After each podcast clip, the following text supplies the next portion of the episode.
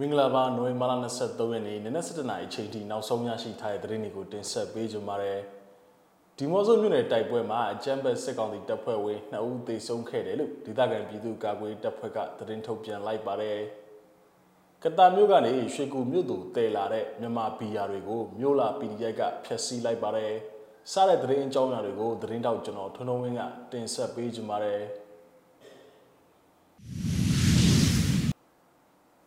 ပထမဆုံးအနေနဲ့တင်ဆက်ပေးခြင်းတဲ့တင်ကတော့ Green ပြည်နယ်၊ကြားပြည်နယ်ဒီမော့ဆိုမြို့နယ်ဒေါ်ပိုစီဖုန်းကြီးကျောင်းမှာတက်ဆွဲထားတဲ့အကြမ်းဖက်စစ်ကောင်စီတပ်ဖွဲ့ဝင်တွေနဲ့ Green မြို့သားကာကွယ်တပ် KNDF B09 တို့ဒီကနေ့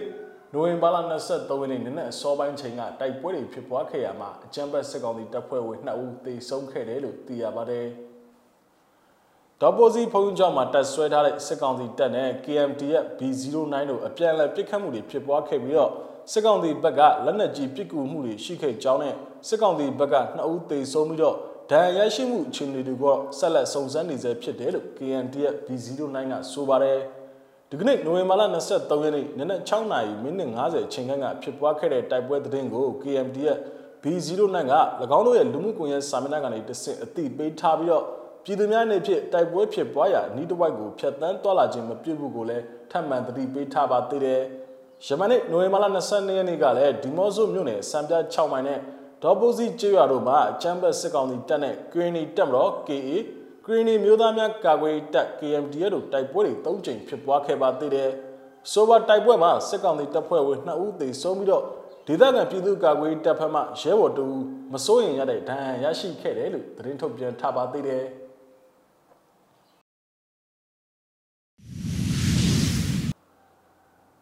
ဆက်လက်ပြီးတင်ဆက်ပေးခြင်းတဲ့တင်ကတော့စကိုင်းတိုင်းဒေသကြီးထပ်ပိုင်းကတာခရိုင်မှာကတာမြို့မှာရွှေကူမြို့ဘက်သို့ရေချောင်းလမ်းဖြင့်အကြမ်းဖက်စစ်ကောင်စီရဲ့ထုတ်ကုန်ဖြစ်တဲ့မြန်မာဘီယာတွေအပြည့်သေးဆောင်လာတဲ့ဆက်လက်တစည်းကိုဖျက်ဆီးလိုက်ကြောင်းကိုမြို့လာ PDF အဖွဲ့ရဲ့ပြောရေးဆိုခွင့်ရှိသူတို့ကဆိုပါတယ်မြန်မာဘီယာအဖာ300နီးပါးတဲဆောင်လာတဲ့အဆိုပါဆက်တွေကိုနိုဝင်ဘာလ22ရက်နေ့ညနေ4နာရီချိန်ခန့်ကဖျက်ဆီးခဲ့ကဆက်လက်သမားကိုလှုပ်ပေးခဲ့တယ်လို့ မြို့လာ PDF မိုင်ယူရဲ့အဖွဲ့ရဲ့ပြောရေးဆိုခွင့်ရှိသူတို့ကဆိုပါတယ်လူကိုတော့ပြန်လွှတ်ပေးလိုက်ပါတယ်နောက်ကိုမလုပ်ဖို့လည်းတတိပေးလိုက်ပါတယ်လို့မြို့လာ PDF ရဲ့မာမိတ်အဖွဲ့ဖြစ်တဲ့ Indoor Revolution IR အဖွဲ့ဝင်တို့ကဆိုပါတယ်မြေကျောင်းမှာတည်ဆောင်လာတဲ့စစ်ကောင်စီတပ်ဖွဲ့ပိုင်းမြည်သည့်ပစ္စည်းမဆိုဖျက်ဆီးသွားမယ်လို့လည်း၎င်းကထပ်မံပြောဆိုလိုက်ပါသေးတယ်နောက်ထပ်တင်ဆက်ပေးခြင်းတဲ့တင်ကတော့အမျိုးသားညီညွတ်ရေးဆိုရအန်ယူဂျီရဲ့ အထူးငွေတိုက်စာချုပ်ကိုရောင်းချပြီး3နိုင်အတွင်းမှာ American Dollar 3သန်းကျော်ရောင်းချရပြီဖြစ်တယ်လို့ Public Fight Television ကသတင်းထုတ်ပြန်ကြေညာလိုက်ပါတယ်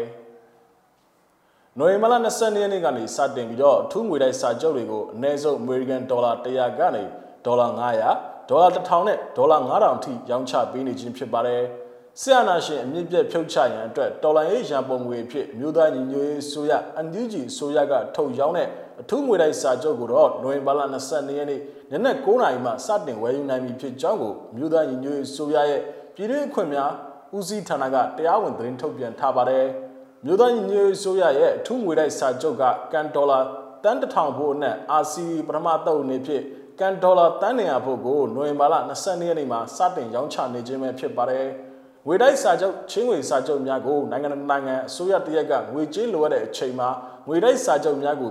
ပြည်သူများကိုထုတ်ရောင်းကပြည်သူများထံကချင်းငွေယူတဲ့လုပ်ငန်းစဉ်ဖြစ်ပြီးတော့စာချုပ်ကတတ်မှတ်ကာလပြည့်ပါကထိုစာချုပ်တန်မှုကိုအစိုးရကပြန်လည်ပေးချေရပါတယ်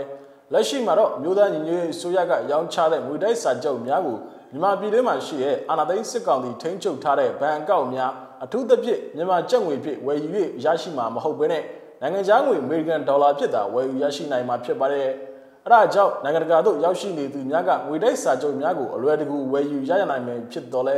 မြန်မာပြည်တွင်းကဝယ်ယူလိုသူများအနေဖြင့်လဲနိုင်ငံခြားရောက်ယုံကြည်စိတ်ချရတဲ့မိတ်ဆွေများဖြစ်တာမိမိကိုယ်စားချိတ်ဆက်ဝယ်ယူနိုင်ပြီဖြစ်ကြောင်းကိုစီမံကိန်းဗန္ဒာရေးနဲ့ရင်းနှီးမြှုပ်နှံမှုဝင်ကြီးဌာနကအသိပေးကြေညာထားပါတယ်။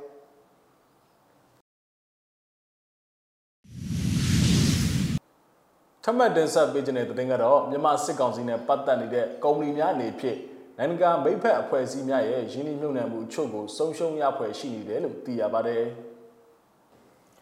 မြန်မာနိုင်ငံမှာဖေဖော်ဝါရီလကစစ်တပ်ကအာဏာသိမ်းပြီးတဲ့နောက်ပိုင်းနိုင်ငံတကာကုမ္ပဏီများနေဖြင့်စစ်တပ်နဲ့ဆက်နွယ်ပတ်သက်နေတဲ့ရင်းနှီးမြှုပ်နှံမှုများနဲ့အဆက်ဖြတ်လုတ်ကင်းစင်ရန်အပြင်းထန်ကြိုးပမ်းနေရတဲ့ကဲ့သို့ထို့သောလှုပ်ဆောင်ရန်ကနမဲဂုံသတင်းထိခိုက်နိုင်မှုဒဏ်ခတ်ပိတ်ဆို့မှုများချိုးဖောက်ရာရောက်မှုစတဲ့အနေအများနဲ့ရင်ဆိုင်ရနိုင်ပါတယ်။ သို့သောဂတိပြုလှုပ်ဆောင်ခြင်းတဲ့ရုပ်သိမ်းထွက်ခွာခြင်းကပုံမလွယ်ကူများဖြစ်ကြောင်းကိုလူအများကထင်မြင်ယူဆနေကြပါတယ်။စစ်တပ်နဲ့ဆက်နွယ်နေတဲ့လုပ်ငန်းမိဖက်များနဲ့စီးပွားရေးဆက်ဆံပတ်သက်မှုများကိုဖျက်တောက်ရန်ပြက်ကွက်မှုအတွက်နိုင်ငံတကာယင်းနှိမ့်ညွန့်နှံမှုအစုစုရဲ့စွန့်ပစ်မဲ့အလားအလာနဲ့ရင်ဆိုင်နေရသူများထက်မှာဂျပန်တောင်ကိုရီးယားနဲ့စင်ကာပူနိုင်ငံများလည်းပါဝင်နေပါတယ်။သို့သောဒေါအောင်ဆန်းစုကြည်အစိုးရကိုဖြုတ်ချပြီးတော့စစ်တပ်ကအာဏာသိမ်းပြီးတဲ့နောက်ကိုလာအကြမှာ နိုင်ငံတကာစီးပွားရေးလုပ်ငန်းများက၎င်းတို့ရဲ့ပြည်တွင်းရှယ်ယာများအတွက်စိတ်ထက်သန်မှုရှိသောဝယ်ယူသူတချို့ကိုတွေ့ရှိထားပြီးခဲ့ပြီးတော့နိုင်ငံကအာဏာသိမ်းပြီးတဲ့နောက်ပိုင်းမှာတော့နတ်ဆိုင်တဲ့စီးပွားရေးကြာဆင်းမှုမငြိမ်မသက်မှုတွေကိုကြုံတွေ့နေရတာပဲဖြစ်ပါတယ်။အာဏာသိမ်းဖို့ကြိုးပမ်းမှုနောက်ပိုင်းမြန်မာစစ်တပ်နဲ့ကြားဆက်ဆံပတ်သက်သူနဲ့အဆက်ဖြတ်ဖို့လုပ်တာကပိုပြီးခက်ခဲတယ်ဆိုတာပေါ်လွင်ထင်ရှားပါတယ်။ စစ်တပ်နဲ့ဆက်ဆံပတ်သက်တာကမြန်မာပြည်သူတွေရဲ့ဘဝတွေကိုထိခိုက်ရာတက်ရောက်စေတာဖြစ်တဲ့အတွက်စစ်တပ်ရဲ့ရက်ဆက်ကြမ်းကြုတ်မှုတွေမှာကြံပါဖြစ်မှုကိုအဆုံးသတ်ရင်းနဲ့စီးပွားရေးလုပ်ငန်းတွေကိုတာဝန်ရှိမှုနဲ့ဖယ်ရှားသင့်ပါတယ်လို့ campaign group ခုဖြစ်တဲ့ Justice for Myanmar ရဲ့ပြောရေးဆိုခွင့်ရှိသူမတ်ယတနာမောင်ကဆိုပါတယ်မြန်မာအာဏာသိမ်းစစ်တပ်ရဲ့လောက်ခံတပ်ဖွဲ့များကြောင့်အပြစ်မဲ့လူပေါင်း1980ကျော်တိတ်ဆုံးခဲ့ပြီးတော့လူပေါင်း1000ကျော်ဖမ်းဆီးခံထားရကအာဏာသိမ်းစစ်တပ်က မြန်မာအနောက်မြောက်ပိုင်းမှာ၎င်းတို့ကိုတွန်းလှန်တိုက်ခိုက်နေမှုများကိုနှိမ်နင်းရန်လူမဆန်တဲ့ရက်ဆက်တဲ့နီလန်းများအသုံးပြုနေတယ်လို့နိုင်ငံရေးအကျဉ်းသားများကုညီစောက်ရှောက်ရေးအသင်းရဲ့ထုတ်ပြန်ချက်တွေအရသိရပါတယ်။ American ဥရောပသမဂ္ဂ UK နဲ့ကနေဒါတို့ကမြန်မာစစ်တပ်ကုမ္ပဏီများနဲ့စစ်တပ်နဲ့ဆက်ဆက်တဲ့ပုံကိုများအပေါ်မှာဒဏ်ခတ်ပိတ်ဆို့မှုတွေချမှတ်ထားပါတယ်။ အာဏာသိမ်းမှုဖြစ်ပွားပြီးတဲ့နောက်မှာတော့ကမ္ဘာလုံးဆိုင်ရာယင်းနှိမ့်ညွှန်မှုလုပ်ငန်းများကလည်းမြန်မာအာဏာသိမ်းစစ်တပ်နဲ့ဆက်နွယ်တဲ့ပတ်သက်တဲ့စီးပွားရေးလုပ်ငန်းများရှိနေတဲ့ကုမ္ပဏီများထံကနေ၎င်းတို့ရဲ့ယင်းနှိမ့်ညွှန်မှုစုစုကိုဖယ်ရှားရန်ကြိုးပမ်းထားခဲ့ပါတယ်။စစ်တပ်ကုမ္ပဏီများနဲ့အကြားတိုက်ရိုက်ပတ်သက်လုပ်ကံမှုရှိခဲ့ပြီးတော့စီယုံလှုပ်ဆော်သူများဘက်မှဖိအားပေးမှုကိုကာလကြာခံရတဲ့ဂျပန်ဘီယာကုမ္ပဏီကရင်ကဲ့သို့ကုမ္ပဏီများက၎င်းတို့နေဖြင့်ရင်းနှီးမြှုပ်နှံမှုရုပ်သိမ်းမယ်လို့ပြောဆိုထားခဲ့ပါတယ်။ နော်ဝေတယ်လီကွန်ကုမ္ပဏီတယ်လီနော့ကဲ့သို့အခြားကုမ္ပဏီများကလည်းအာနာသိန်းစစ်အုပ်စုလက်အောက်လုပ်ငန်းလက်ပတ်ရတာအခြေအနေမှာမတည်မငြိမ်ဖြစ်လာခဲ့တဲ့အတွက်မြန်မာကနေထွက်ခွာမယ်လို့ကြေညာထားပါသေးတယ်။ Das ပင်စင်ရန်ပုံငွေအဖွဲ့တစ်ခုဖြစ်တဲ့ ABG က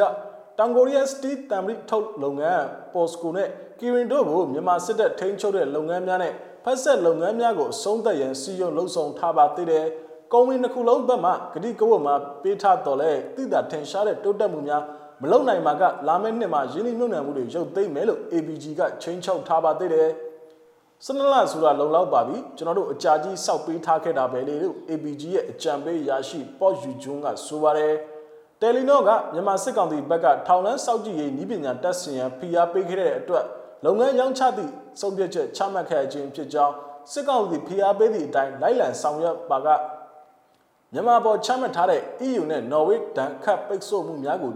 ချိုးဖောက်ရရောက်လိမ့်မည်ဖြစ်ကြောင်းကိုပြောဆိုထားပါတယ်။ Kirin ကုမ္ပဏီကလည်း၎င်းတို့နေဖြင့်မြန်မာစစ်တပ်ကြောတောက်နောက်ခံပြုကုမ္ပဏီများနဲ့ကြား၎င်းရဲ့ဖက်ဆက်လုပ်ငန်းများကိုရုပ်သိမ်းမယ်လို့ကြေညာထားပါသေးတယ်။သို့တော့ဝယ်သူရှာတွေ့ရင်ရုံးကန်နေရတဲ့အခြေအနေရှိနေပါတယ်။နိုင်ငံတကာကုမ္ပဏီများစုကလည်းပြည်တွင်းလုပ်ငန်းများကိုဆိုင်းငံ့သို့မဟုတ်ရက်စဲထားတော့လဲနိုင်ငံကနေထွက်ခွာရန်၎င်းရဲ့ဂတိကဝတ်များနဲ့ပတ်သက်ပြီးစီးရုံးလှုပ်ဆော်သူများနဲ့ရင်းနှီးမြှုပ်နှံသူများကမေကွန်းထုတ်လည်းရှိပါတယ် စစ်တပ်လုပ်ငန်းတစ်ခုဖြစ်တဲ့မြန်မာစီးပွားရေးဥပိုင် limited နဲ့အကြားပတ်သက်လောက်ကံမှုရှိခဲ့တဲ့ Kiwi နဲ့ Posco တို့က campaign group များရဲ့အပြင်းထန်ဆုံးဖိအားပေးမှုတချို့ကိုရင်ဆိုင်ထားခဲ့ရပါတယ်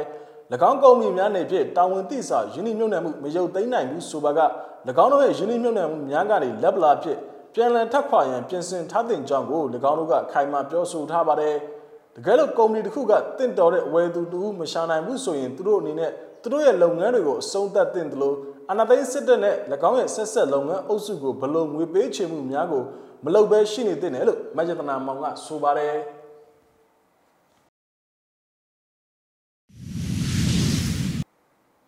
ဟုတ်ကဲ့ပါနိုဝင်ဘာလ23ရက်နေ့နနက်7:00နာရီချိန်ထိနောက်ဆုံးရရှိထားတဲ့သတင်းတွေကိုကျွန်တော်တို့မြစည်းမှာဝိုင်းတော်သားများကနေပြီးတော့တင်ဆက်ပေးခဲ့တာပါမြန်မာပြည်နယ်မှာနေထိုင်တဲ့မိဘပြည်သူတွေအကုန်လုံးဘေးရည်နေကင်းရှင်းကြပါစေလို့ဆုမကောင်းတောင်းပန်ပါတယ် လက်ရှိဖြစ်ပွားနေတဲ့ COVID-19 ကပ်ရောဂါနဲ့ပတ်သက်ပြီးထူးထူးဆိုင်ကြဖို့ကိုကျွန်တော်တို့မြစည်းမှာဝိုင်းတော်သားများကတတိုက်တွန်းနှိုးဆော်ခြင်းပါတယ်နောက်ထပ်ရရှိလာမယ့်သတင်းတွေအတူတူကျွန်တော်တို့ပြန်လာခဲ့ပါမယ်